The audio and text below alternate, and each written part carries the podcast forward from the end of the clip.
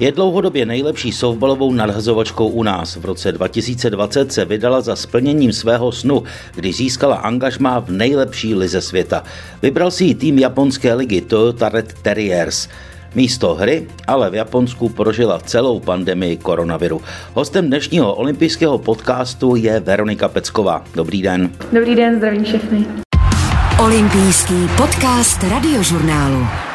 Vy jste přijela do Japonska v únoru. V té chvíli tam vlastně propukla pandemie koronaviru. Co se dělo v Japonsku? Já si myslím, že vlastně oni jsou na to hodně zvyklí, na ty masky a, a jakoby dezinfekci a takhle, takže jim to vlastně moc jakoby nenarušilo ten jejich denní život. Akorát samozřejmě se to postupně zvyšovalo a vlastně pak až to, pak potom, co vlastně zrušili uh, olympijské hry a přesunuli je na příští rok, tak uh, si myslím, že to vlastně byl takový ten impuls, že vlastně OK, takže už nemusíme to držet, ty, ty opatření jakoby nízko kvůli tomu, aby se mohly ty olympi, olymp, ta olympiáda odehrát, ale už víme, že to bude příští rok, takže prásk dali karanténu. A byla to čtyř, čtyřtýdenní karanténa, vlastně zavřelo se skoro všechno, nesmělo se někam moc chodit, kdo mohl, tak pracoval vlastně z domova, jinak, jinak pracovali normálně v kanceláři, ale všude byly dezinfekce, všude byly masky, prostě museli jsme mít všude masky a takhle, tak to jsem ani netrénovala, tak to bylo fakt jako... Co jste dělala? Čtyři týdny Já v Japonsku? Jsem... Nepředpokládám, že jste měla nějak velký byt, protože ne, ne, ne. v Japonsku jsou opravdu velmi malé, to vím z vlastní zkušenosti.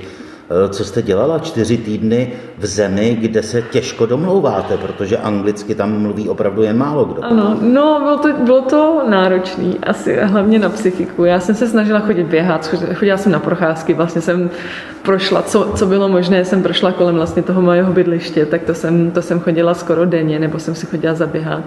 Pak jsem si půjčila nějaké vybavení z posilovny, co jsem mohla jakoby používat byť, ale samozřejmě já jsem bydlela ve čtvrtém patře, takže to bylo, to bylo, nemohla jsem jako žádný činky nebo něco takového, tak to by asi mi sousedi dole nepoděkovali, ale takže jsem se snažila, měla jsem tam matračky. To byste jim nerozuměla. No. no, já jsem právě, říkala jsem si tak, že bych třeba mohla házet do zdi, jak jsem byla jako v nejvyšším patře a ještě jsme měli takový malinký balkónek, takže jsem si říkala, že bych mohla venku na balkóně ještě někdy ráno, kdy třeba právě byli lidi byli v práci, abych někoho nerušila, takže bych házela do zdi. No a to úplně nedopadlo, protože právě ten asi můj soused volal, um, zavolal tomu domovníkovi, který zavolal potom do Toyoty, který Toyota potom musela volat mý překladatelce. A překladatelka potom volala mě, že tam dělám nějaký rámus a že to nemůžu dělat a že si tady uh, sousedi stěžovali, takže takhle skončilo moje nadhazování v karanténě, takže jsem potom jenom cvičila. No a četla jsem si uh, koukala se na filmy a volala jsem si domů. Vám vlastně zrušili nebo posunuli soutěž celou. Vy jste chtěla, eh, takový plán byl, když jste odjížděla do Japonska, že odehrajete soutěž, pak pojedete do Nového Zélandu, zůstanete tam přes léto a po olympijských hrách se vrátíte zpátky. Tohle všechno vzalo vlastně začátkem března eh, za své. Mm. Tak eh, jak to vlastně dál pokračovalo? No já jsem právě, uh, vlastně jak jsem odletěla, já jsem už přiletěla na, uh, do Japonska z Nového Zélandu, protože tam mám uh, partnera a vlastně já mám výzum, které mi umožňuje se tam vrátit anebo odletět kdykoliv chci, ale jakmile se zavřel Nový Zéland, tak vlastně já už se tam teďka nedostanu, protože nejsem občan. Takže to je teďka vlastně něco, co já musím ještě vyřešit, ale to je úplně jiná diskuze. No prakticky jsem se vlastně uh, pak rozhodovala, jestli bych třeba letěla zpátky do Čech na chvilku, anebo potom, a potom zase přiletěla zpátky, jenže kvůli tomu, že já bych vlastně musela přiletět do Čech, pak bych tady byla 14 dní v karanténě, pak bych teda třeba tady mohla dva týdny být, ale pak bych musela jít zpátky a musela bych ve státní karanténě 14 dní a potom ještě v jedné karanténě od Toyoty na 14 dní, takže by to vlastně bylo měsíc a půl zase v karanténě. Tak to jsem si říkala, že to snad se prostě fakt nevyplatí na to, abych tady někde byla třeba dva, tři týdny zase zpátky, takže jsem se rozhodla, že tam teda zůstanu. Vy jste tady zůstala v Japonsku po celou dobu, vlastně až do listopadu, do začátku listopadu. Do půlky, no. Posloucháte olympijský podcast radiožurnálu. Jak jste to zvládala? Protože od února do listopadu nechtěně jste zůstala v zemi, kde to vlastně neznáte, nikdy jste tam nebyla. Jaké to bylo ten život? Já jsem si myslela, že mě to vůbec neovlivní, protože já už jsem vlastně byla předtím sama na Zélandu, ale tam to bylo samozřejmě, že mě rozuměli, že jsem uměla anglicky a oni, oni mluví anglicky, takže to bylo v pohodě, to jsem vlastně, to bylo úplně v pořádku. Pak jsem byla na Tajvanu tam uh, už vlastně zase anglicky nemluví, neměla jsem ani překladatelku, ale tak nějak jsem se jako vždycky nějak domluvila překladačem. Na Tajvanu jste byla samozřejmě také za prací, tam jste také hrála softball, aby Jo. jsme Jo, připomněli radši neznalý.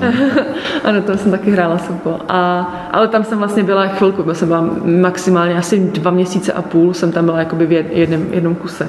Takže tady jsem si myslela, že vlastně už jsem měla nějaké zkušenosti s tím, takže že už to bude v pohodě, že vlastně je to neplánovaný, ale tak nějak se s tím poperu a bude to v pohodě. Takže, takže jsme vlastně se nám, potom jsem zjistila, že nebudeme hrát na tom jaře, že se to jakoby na ta jarní část sezóny se zruší a vlastně budeme mít jenom tu podzimní část a potom playoff.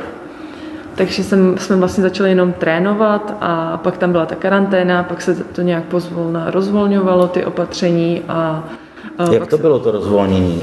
E, Šli jste hned trénovat všechny? Nebo? Ne, ne, ne, měli jsme to, měli jsme to vlastně jakoby na směny, byli jsme rozdělení do několika skupin a vždycky ta jedna skupina mohla využívat vlastně Clubhouse a, a, to, a to hřiště a pak se zbalili, odjeli, jsme a pak zase další skupina přišla, takže to bylo takový rozkoskovaný během asi dvou týdnů a potom už vlastně to bylo jenom na dvě půlky, asi další jeden týden a potom už jsme trénovali jako tým. A pak to pokračovalo tedy jak? Vy jste dál trénovala, dejme tomu, s tím týmem, Mhm. mm-hmm. kdy vlastně jste se dozvěděli, že začne ta sezóna, protože když to srovnám s tím, jak to vypadá tady u nás, tak tady se třeba řekne ve středu, že v neděli můžou hrát. No. Tak jak to bylo v Japonsku? My jsme vlastně, my jsme začínali první týden v září hrát a do posledního týdne v srpnu se to ještě nevědělo, jestli se bude hrát. Takže úplně to samé. Úplně to samé. Vlastně furt se scházeli, to, vlastně to předsednictvo eh, taky sobolové asociace se scházely právě ještě jak- jakoby se eh, podívali na to, jak to řeší baseball. Ten vlastně řekl, že už vlastně bude hrát, akorát nebudou žádní fanoušci. Takže vlastně takhle se to jako furt řešilo, koukali se na ostatní sporty, jak to řeší a nakonec se teda rozhodlo, že ta podzimní část bude, ale bude bez fanoušků. Fanoušci byli vlastně povolení jenom na první uh, opening ceremony a potom na poslední final tournament. No, takže vlastně předtím jsme jakoby jenom trénovali a byli jsme prostě v nejistotě. Já jsem vlastně nevěděla, jestli jsem tam přijela, nevím, že, že si zatrénuju a pak třeba, když se to zruší, tak potom zase pojedu domů v srpnu už. Takže to bylo to takový, takový zvláštní. No a právě přes to léto už to bylo hodně, už mi to začalo jakoby docházet, že vlastně mě to asi trochu i ovlivňuje, že prostě jsem tam sama a nikdo mi nerozumí a vlastně ta eh, druhá cizinka, která ze mě hrála, tak ta nebyla ještě v Japonsku, ona neměla přijet před olympiádou a měla přijet až po olympiádě, protože je součástí amerického nároďáku, tak aby prostě neházela na ty Japonky a neukázala se, i když ona tam vlastně už byla 12. rok, ten, ten, eh, tenhle rok tam byla vlastně 12, po 12. Takže, to, takže ta přijela až v říjnu. Přijela až eh, vlastně na začátku října. Takže ještě vlastně ani nehrála ty první dva víkendy hrací, které jsme měli v září. Takže jsem tam fakt byla sama a už to bylo, už to bylo těžký. Fakt. Co vás zdrželo nad vodou, že jste se prostě nerozhodla, ne, jedu domů, prostě už tady nebudu. No tak Že tyhle myšlenky vás určitě napadaly. napadaly, no, ale tak já jsem si hlavně říkala, že prostě No, že to nevznám samozřejmě, že jako už jsem sem přijela, takže už to určitě jako doklepu. Jako říkala jsem si, že ty nejradši bych byla doma, ale to, že bych se jako fakt vážně uvažovala nad tím, že bych jako odjela, to se určitě nedělo. To jako jsem si prostě řekla, že když už jsem, když už vlastně si žiju ten svůj sen, vlastně jsem se sem dostala a už tady můžu být, tak už to prostě doklepu a už to tady prostě odehraju ale to, že jsem si mohla vlastně, ten časový posun s Českem nebyl úplně ideální, bylo to vlastně 7 hodin a potom se to přehouplo ještě na 8 hodin, když jsem měnil čas. Takže já jsem si vlastně s našima třeba nebo s mojí sestrou mohla volat jenom o víkendu. A potom se ještě začal hrát softball, takže třeba právě Míša, moje sestra hrála právě za Ledenice, tak hráli playoff a tak a, a naši právě se třeba jeli kouknout nebo prostě měli jako jiný plány samozřejmě přes léto nebo takhle, takže to bylo takový zvláštní, ale mohla jsem si volat, uh, časový posun na Zeland byl tři hodiny jenom dopředu, takže to bylo super, právě že jsem si volala s partnerem, my jsme si vlastně volali denně, takže tyhle ty hovory s někým, kdo mi rozumí, byly určitě něco, co mě hodně drželo nad vodou. Jak dlouho jste se vlastně s partnerem neviděli?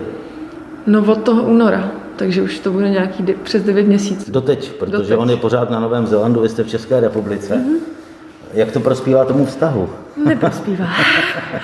je, to, je to těžký, ale tak já doufám, že teďka už jsou nějaké známky teda té vakcinace nebo něčeho takového, takže se to prostě nějak rozhoupe. A... Takže vy vlastně čekáte na vakcínu, na očkování, abyste mohla na ten Nový Zéland? No já, no to úplně ne, já čekám na to, až Nový Zéland otevře svoje hranice i lidem, kteří mají třeba vízum. Ne jakoby turistům, to je, já vlastně ten vízum mám, takže potřebuji jenom, aby to otevřeli ty hranice někomu, kdo má vízum, protože zatím to je tak, že jenom občan, občan Nového Zélandu, prostě s novozélandským pasem se může dostat. Ti to zavřeli tedy velmi radikálně. Jo, jako samozřejmě tam nemají skoro koronavirus, mají to pod, hodně pod kontrolou, to vlastně jednu, jednu dobu tam měli nula případů, takže prostě jako vydrží si to dobře, ale za jakou cenu, prostě nemají tam od toho března, mají vlastně zavřené hranice a nikdo neví, kdy to otevřou. Olympijský podcast radiožurnálu. Eh, já se vrátím k tomu Japonsku. Určitě. Eh, kdy bylo jasné, že třeba eh, nebudou ty olympijské hry. Dokázala jste vlastně i od klubového vedení, které vám asi možná jediné přes překladatelku rozumělo, tak vnímala jste to, jak to vlastně Japonci řeší, protože k nám docházely zprávy, že Japonsko vypsalo referendum a tam, tam prostě rozhodli Japonci, že nebudou olympijské hry, že nechtějí olympijské hry kvůli té pandemii. Tak jak vy jste to vnímala, nebo dokázala jste to vůbec vnímat, protože já nevím, jestli, jestli jste tam dokázala komunikovat se sousedem, jste si asi nepopovídala, no, noviny si nepřečtete. To určitě ne. Já jsem se učila japonsky vlastně posledních asi čtyři měsíce nebo pět měsíců jsem měla jakoby konverzační japonštinu. Každý týden jednu hodinu nebo dvě hodiny potom, když jsme začali hrát, tak už jenom jednu ale což bylo jako super, což já jsem se jako hrozně ráda to naučila, nebo něco, já určitě nemůžu říct, že bychom měla japonsky, ani jako základy, protože to byly fakt úplně jenom jenom jako fakt malinko, co jsem jako zvládla si nějak zapamatovat. Dobrý den, děkuji. Ale jakože potom, když na konci už jsem dokázala jako nějak komunikovat s catcherem, my jsme to vlastně soustředili hlavně třeba na ten soft, a protože kvůli tomu jsem tam byla, tak abych jako by třeba řekla, že budu teď házet nahoru, dolů, doleva, do, doprava, že teď to bude tolik nadhozů, naučila jsem se části těla, abych třeba, když jdu na fyzio, tak abych jim řekla, že mě něco bolí a co to teda, co to je, co mě bolí a takovéhle věci, jako hodně praktický. Ale jinak jsem se fakt s nimi jako nebavila. No. Je, to prostě, je to prostě fakt znát, že oni možná Jak malinko... třeba věděla ty restrikce? Protože... To nám vždycky řekla vlastně ta předkladatelka. Mě jakoby, jakoby jsem byla v group chatu, kde se posílaly informace a pak jsem byla ještě v jednom, jakože týmovým a pak jsem byla ještě, měla jsem soukromou konverzaci vlastně s tou překladatelkou, která všechno, co se poslala do toho group chatu, všechny dokumenty třeba jakoby pláno, naplánovaný, jak, jak bude třeba další týden, co budeme dělat a takhle, tak to mi vždycky všechno přeložila. Takže do já jsem jako do angličtiny. Takže já jsem jako všemu, všechno jsem jako takovýhle ty důležité informace věděla, ale co se týče nějaký komunikace v týmu, jakože třeba se jich zeptat, jak se mají, nebo co dělali včera, tak to jsem jako dokázala, ale když se ono, oni se potom rozmluví a to já už prostě nepřeložím a už tam tak jako stojím jenom a nerozumím ti, sorry.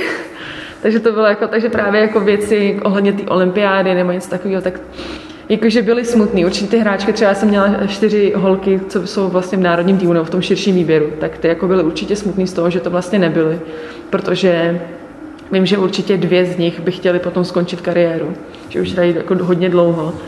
Takže si vlastně to musí odložit zase o rok, což si myslím, že je prostě zase ještě s tím, kolik oni vlastně musí natrénovat a jak dlouho se na to připravují, plus mají ještě tréninky s nároďákem, takže to si myslím, že určitě je jako by mrzelo, že jim to jako by takhle zkazilo třeba ty plány, když to řeknu jako takhle, ale jinak jsem moc, moc jako úplně do toho jako mínění veřejnosti nebo něco takového, tak do toho jsem vůbec nepronikla, to vůbec nemůžu říct. Japonsko je soubol opravdu velmi populární, jsou známé ty záběry vlastně z, ze stadionu, už baseballu nebo softballu, hmm. Tokyo Dome, vyprodaný. Já když jsem tam byl v jednu dobu, kdy právě hrálo v Tokyo Domu, eh, se hrál baseballový zápas, tak to, to byla vřava, která byla slyšet přes pět bloků dál.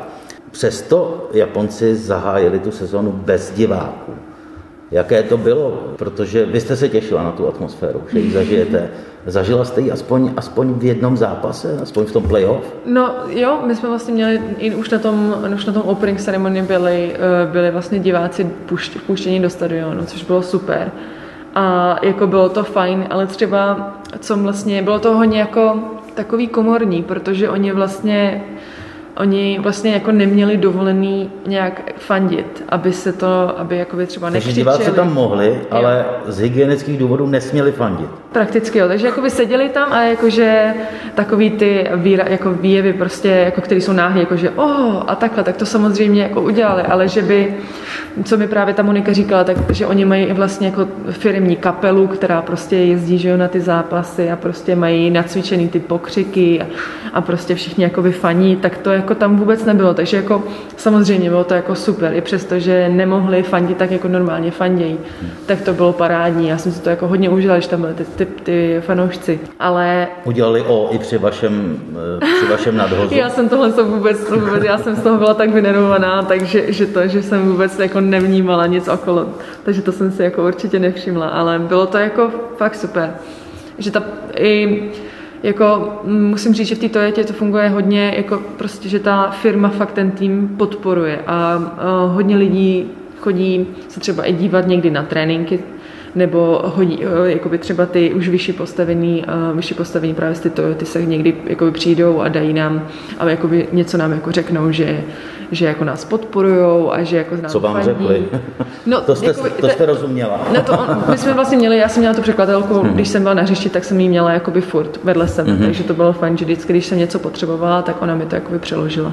Takže vlastně, když právě, když takhle někdo přijel, tak my jsme jakoby přerušili trénink, tak jsme si jako šli stopou k oni se nám vždycky jakoby, samozřejmě začalo to ukloněním, že jo, prostě pozdravili a že nám, nás jakoby podporují, že se budou určitě dívat, že když jako nebu- nebudou moct přijít, tak se potom, tak jsou přenosy na internetu, takže se jakoby dívají, takže to, a třeba nám dají nějaký malý dárek, prostě, že nějak, jako vy jste jejich továrny nebo od někať a jakože token štěstí a takhle. Takže bylo to určitě hodně vidět, že ta vlastně ta firmní kultura je jako hodně založená na tom, že právě ty sporty podporují. Samozřejmě softball není jediný sport, který Toyota má, má jich spousta, má právě i ten baseballový tým, má, má fotbalový tým, má rugbyový tým, má nějakou atletiku, plavání, prostě spousta toho je. Ale vlastně je to hodně teda podporovaný ty sporty, což bylo fajn. To jsem vlastně jako vy, bylo pro mě úplně nový a bylo to fajn. Tady, když se konají nějaké zápasy, a teď můžeme mluvit o hokeji, fotbalu, judu, čemkoliv, tak uh, jsou vlastně vytvořené bubliny. Jak to je v Japonsku? Je také, nebo jak to bylo u toho playoff? Také jste museli být jakoby izolováni od toho zbytku světa, nebo, uh, nebo jste prostě cestovali po Japonsku normální linkou? Ne, tak mám, mm, to, to tam měla vlastní autobus, ve kterým jsme vlastně se vždycky přesunovali a takže to už jako bylo jednou zavření. Pak jsme vždycky měli zarezervovaný hotel, teda eh, jenom jakoby pro náš tým, určitě tam nebyl ještě jiný tým, tak to nebylo, ale že byli jsme normálně jakoby s veřejností.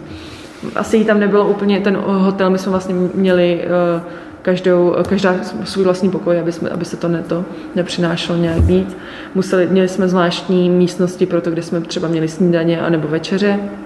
A nesměli jsme vlastně, museli jsme se pohybovat furt jenom s tím týmem, nesměli jsme, jakoby nedoporučovalo se takhle, nedoporučovalo se výjít někam ven, prostě třeba jít si nakoupit nebo něco takového. A když už, tak jenom do nějakých convenience, convenience store, takže prostě do Family Martu nebo 7-Eleven, který většinou byly na 50 metrů do, jako dochos, protože tam je to prostě úplně všude. Takže To jsou malé samoobsluhy, abych to řekl vlastně v obytných domech dole. Mm, jsou malé tak. samoobsluhy, kde je opravdu ale od eh, šroubku až po lokomotivu úplně všechno. Mhm, úplně všechno tam je, takže jako cokoliv, co si kdo zapomněl nebo co potřeboval, tak vlastně tak se tam mohlo, mohlo dojít a to byly vlastně jenom takový ty vycházky, které jsem jako měli povolený, jinak to bylo fakt, že jsme měli zůstat prostě na pokoji a takže při těch výjezdech jsem, jsme se jako vůbec nikam nemohli dát. Takže někam na steak nebo to, To vůbec. určitě ne, to určitě ne. My jsme měli, my jsme, my má, ten vlastně tým spolupracuje s nějakým eh, nutricionistou, nevím, jak se říká, nutritionist. já nevím. Výživový poradce Výživový prostě. poradce, takhle. A uh, takže ten vlastně připravil vždycky ty jídla, nebo co by to mělo být a ten hotel to podle toho potom vařil, takže my jsme vlastně měli vždycky jako snídaně i večeře v hotelu a přes obědy jsme potom měli bento boxy, což bylo vlastně taky od toho, od toho nutrici, no, výživového poradce. Když se tady zeptám sportovce, tak eh, když se ho zeptám na testování, tak mi řekl, že už byl testovaný 30krát, 40krát. Jak to, jak to je v Japonsku? Jak vás testovali vlastně na uh, přítomnost COVID-19? No tak ono to, určitě to nebylo tak hrozný jako, jako tady. Jako tam bylo třeba v celém Tokiu bylo za den 200 případů. Takže jako bylo to určitě mnohem víc... Tokio má 45 milionů obyvatel. Ano, takže bylo to určitě mnohem víc pod kontrolou, než co jako by jsme měli tady nějaký ty outbreaky. Takže a naše testování, my jsme vlastně byli testovaní celkem třikrát na koronavirus a pak jsme byli ještě, jakoby, že nám brali jednou krev. Bavíme se o období od února do listopadu? Bavíme Jste byla se, bavíme testovaná se, třikrát? Bavíme se o období od uh, srpna do listopadu. Já předtím jsem vůbec nebyla testovaná. Takže od února, kdy jste tam přilétla, mm-hmm. vypukla pandemie, mm-hmm. A od té doby vy jako profesionální sportovec, který eh, jste odehrál eh, my jsme který... vlastně nic nehráli, takže jsme jenom no, trénovali. Ale pak, no. pak jste hráli vlastně základní část a playoff a za celou tuhle tu dobu jste byla třikrát testovaná. No ano, a ještě to nebylo takový to šťourání v nose, ale bylo to normálně jenom, že jsme jako sliny dali někam do, do skumavky a tam jsme nakopali nějaký rostok a pak jsme to někam poslali a to bylo všechno. Jak to bylo vracet se zpátky? Eh, zjišťovala jste si, jak to tady vypadá, protože vy jste se vrátila vlastně v době nouzového stavu. Mm-hmm. No já jsem samozřejmě měla nějaké zprávy, určitě jak jsme si volali každý den, týden s těma, eh, jako s rodičema a se sestrou, tak jsem jako věděla, co se tak nějak děje. Bylo to, sledovala jsem trošku sociální sítě, jako z Čech, co, co se tady děje a bylo mi to jako říkala jsem si, že vlastně v tom Japonsku jsem ještě hodně v bezpečí a že tam je to jakoby v tomhle tom obhledu úplně něco jiného. Opravdu to, že se někde prostě udělá nějaké opatření a tak prostě to znamená, že to všichni budou dodržovat. A tady je to prostě úplně nějak jinak a je to prostě, je to prostě vtipný, no, ale trošku i smutný. Samozřejmě, vy jste asi byla zvyklá na to, že Japonci za prvé nosí roušky de facto pořád, ať je tam pandemie nebo ne. Hmm. Když vyjdou ven, tak prakticky nevidíte nikoho s odhalenou tváří, nebo opravdu je minimum, je to, je to minimum. Minimum, minimum lidí. Když byla ta karanténa, a vy jste mohla výjít ven do toho parku, což bylo asi povolené, je to Viděla jste spoustu Japonců asi? Bylo tak... jich tam docela hodně, ale jako všichni měli masky, malí dětka měli masky, prostě jakože, který domácí dělaný, tak to bylo takový, prostě všechno, všechno tam fungovalo normálně, jako kromě té jedné karantény, která teda zavřela spousta podniků a pak se to zase teda znova otevřelo, tak to tam prostě fungovalo úplně, úplně normálně. Akorát bylo, byly všude dezinfekce, všichni udržovali nějaký ten sociální odstup a a měli všichni masky. Jde to v Tokiu udržovat sociální odstup? Tak já jsem jako nebyla úplně v Tokiu, my jsme tam vlastně jenom hráli třikrát, myslím, že jsme tam byli nebo dvakrát dokonce jenom. Jinak jsem byla v Toyotě, což je jakoby město, který je, nejbližší město je asi Nagoya, který je jakoby velký, ale jinak Toyota má asi 100 tisíc obyvatel, je to hodně takový rozlezlý a všude jsou rýžové pole, je to takový jako víc, víc takže takový venkovní. Takže tam se to jako, tam, že tam to bylo úplně v pohodě. Posloucháte olympijský podcast radiožurnálu. A když jste přijela do toho Tokia, tak uh, tam jste asi moc po ulicích nechodila. Ne, určitě ne. Bylo tam už cítit Tokiu to, že, že tam bude ta olympiáda? Všude byly samozřejmě plagáty, uh, Tokio 2020, všichni, spousta obchody nabízely ten merchandising pro Tokio 2020, i přesto, že teda ta olympiáda vlastně není. Bude až příští rok, tak furt... Tak jste si něco koupil? Já jsem o tom přemýšlela a nakonec jsem si nic nekoupila, protože jsem si říkala, že vlastně určitě udělají nový merchandising na Tokio 2021, takže si chci koupit radši to 2021. Úplně nevím, protože Myslíte, říkali, že, že to budou prodávat vlastně 2020 olympijské hry, že prostě ten merchandising bude a vlastně všechno. I Tokio hmm. 2020 bude dál uváděno, byť to bude o rok později. Jo? Takže jste asi prohloupila. Tak eh, naštěstí tam mám nějaký kamarádky snad, nebo aspoň tu moji překladatelku třeba by mi něco ještě poslala, tak to si myslím, že se určitě dá zařídit. No a nebo se tam vrátíte. Co plánujete vlastně do budoucna? Protože máte za sebou uh, vlastně velice úspěšnou tu sezónu. Vy jste skončili na třetím místě, hmm. což je úspěch pro Toyotu a asi jste se osvědčila, tak jak to vypadá s vaší budoucností? Já vlastně teďka vůbec nevím. Hodně řeším, a jakoby nějaké nabídky samozřejmě mám. Je ve hře znova Japonsko za jiný tým teda asi, ale je tam ve hře furt Japonsko, pak je ve hře i ten Taiwan za ten tým, za který jsem hrála před dvěma rokama. Potom je ve hře i Holandsko a jsou snad ve hře i Ledenice, záleží. Já prostě fakt vůbec nevím. Je to ještě hodně otevřený. Hodně bude taky záležet na to, kdy otevřou ten Zéland, protože vlastně, jak už jsem říkala, tak jsme se s partnerem neviděli fakt hodně dlouho a takže kdybych zase měla potom hrát někde dalších... A kdyby dalších... vám tam partner dohodil nějakou soutěž? Na Novém Zélandu se hraje teďka. Mm-hmm. Oni to mají naopak vlastně, takže to ty začaly koncem října a budou dohrávat, uh, budou dohrávat v březnu. A já prostě vůbec nemám tušení, kdy se ten Zéland otevře, takže je to všechno otevřený. Nechám, ještě jsem si to nechala hodně otevřený, protože ještě jsem si říkala, že bych si chtěla dát pauzu a nějak na to jako ten, co byl teďka nemyslet.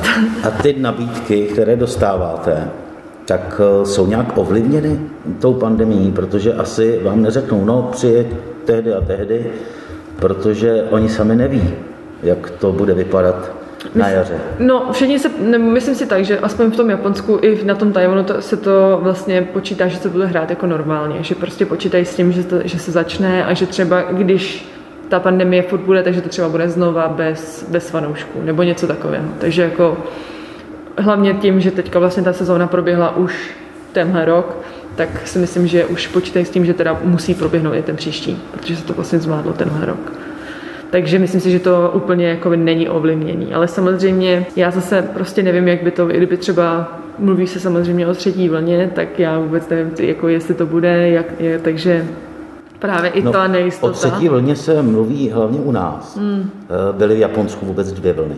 Myslím si, že tam úplně dvě vlny nebyly, ale prostě jako celosvětově to vlastně teďka hodně stoupá. Nebo hodně, no tak záleží, co je hodně. Prostě v Japonsku to není tak, eh, tak příkrý ten postup, ale samozřejmě ty čísla se zvětšují, jako všude na světě.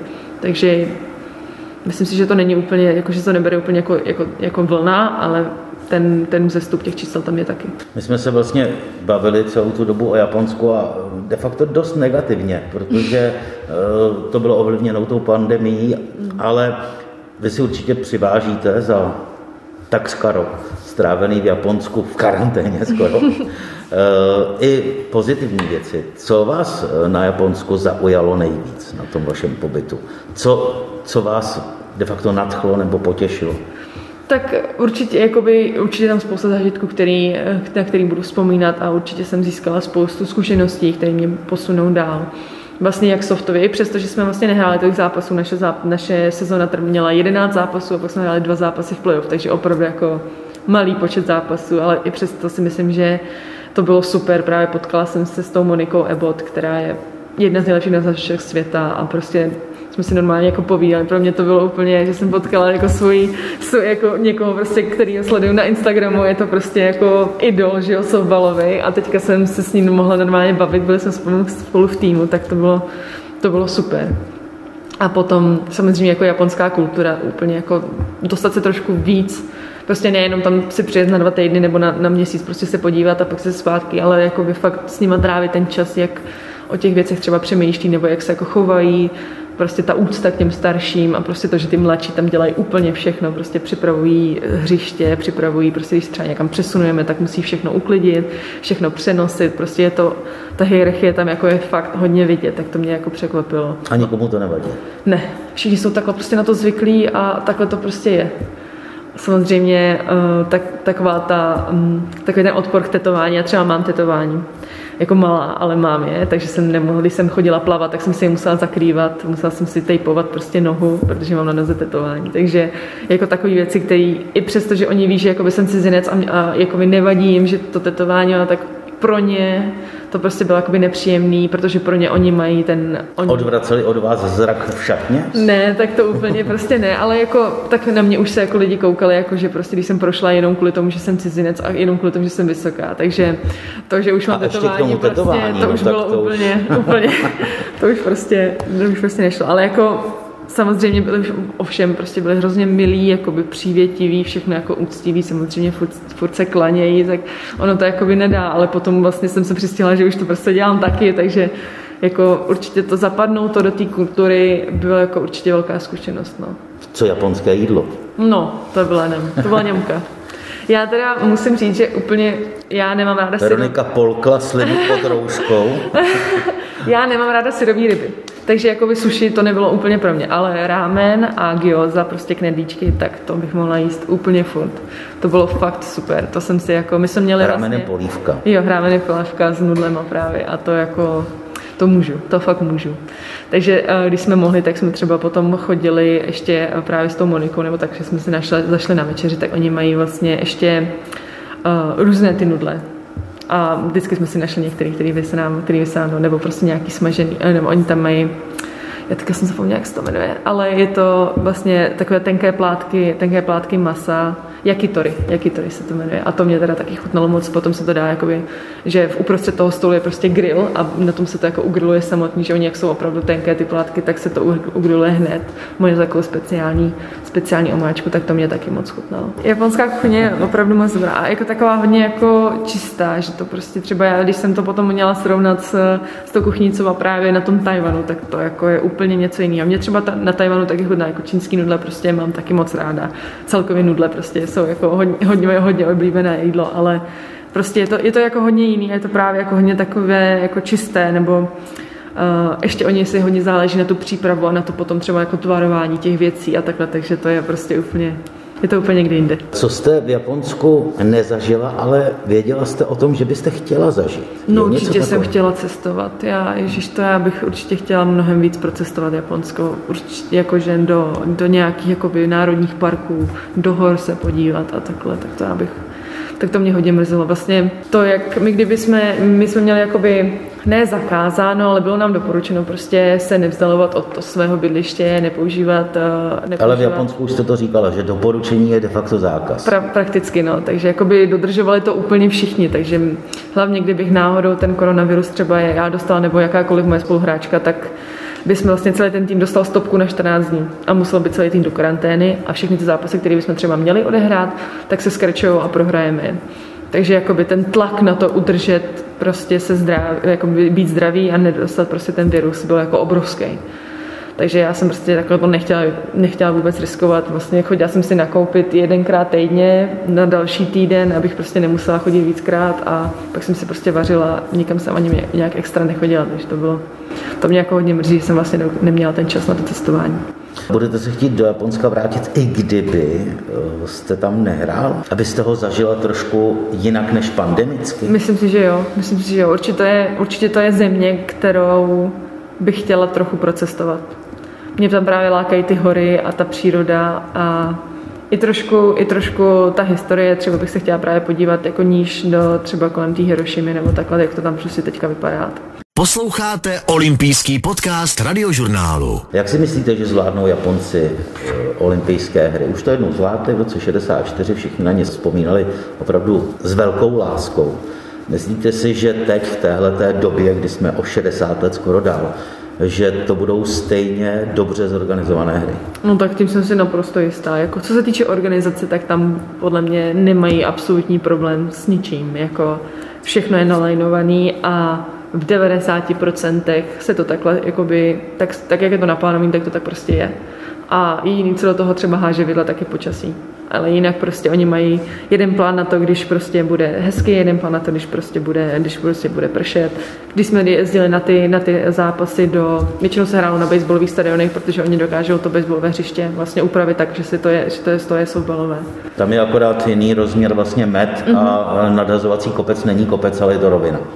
Přesně tak. Akorát potom, když se právě hraje na těch baseballových hřištích, tak vlastně ten kopec tam jakoby zůstává, ale my, ten je dál než v, v softballu, takže my vlastně hážeme před, před ním, kde ta rovina je, takže to je v pohodě.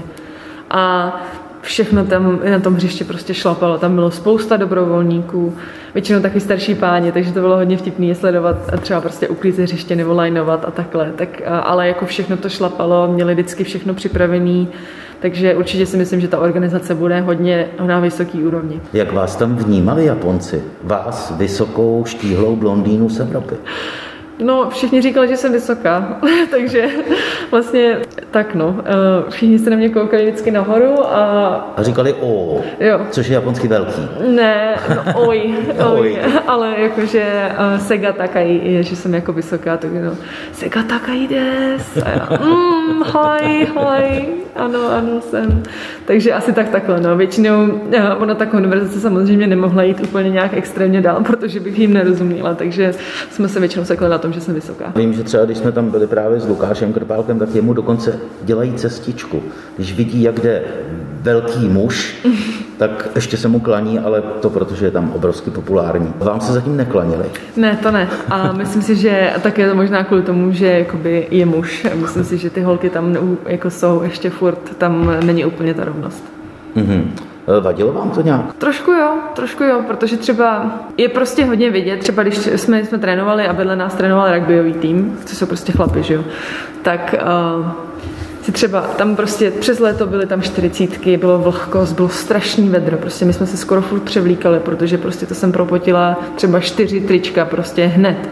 Takže oni jakoby třeba tam byli ty rugbysti a ty prostě těm jako nevadilo, když prostě tam chodili bez trička nebo prostě můžli se převlézt kdekoliv chtěli. A my, já jsem se třeba jednou převlíkala, že jsem si jenom převlíkala triko a hned jsem potom jakoby dostala jakoby takové nové jako rady o, ohledně jakoby pravidel, že prostě nesmíme se v životě převlíkat někde, kde by nás někdo mohl vidět, takže prostě vždycky musíme zalézt někam, nesmíme být jenom v potriku, když třeba to potriko třeba je dlouhé, tak jakoby nic neukazuje, ale nesmíme být jenom v potriku, musíme na to mít obyt jako tričko, prostě nemůžeme tohle, nemůžeme tohle, nemůžeme tohle. A když jsem potom viděla, že ty kluci si dělají úplně co chtějí, je to prostě, je to prostě furt, furt, tam, furt tam je určitě uh, hodně prostoru, kam se uh, můžou posouvat. Je to znát i vlastně v tom normálním životě, třeba v obchodě, nebo že někdo dělá rozdíl mezi ženou a mužem?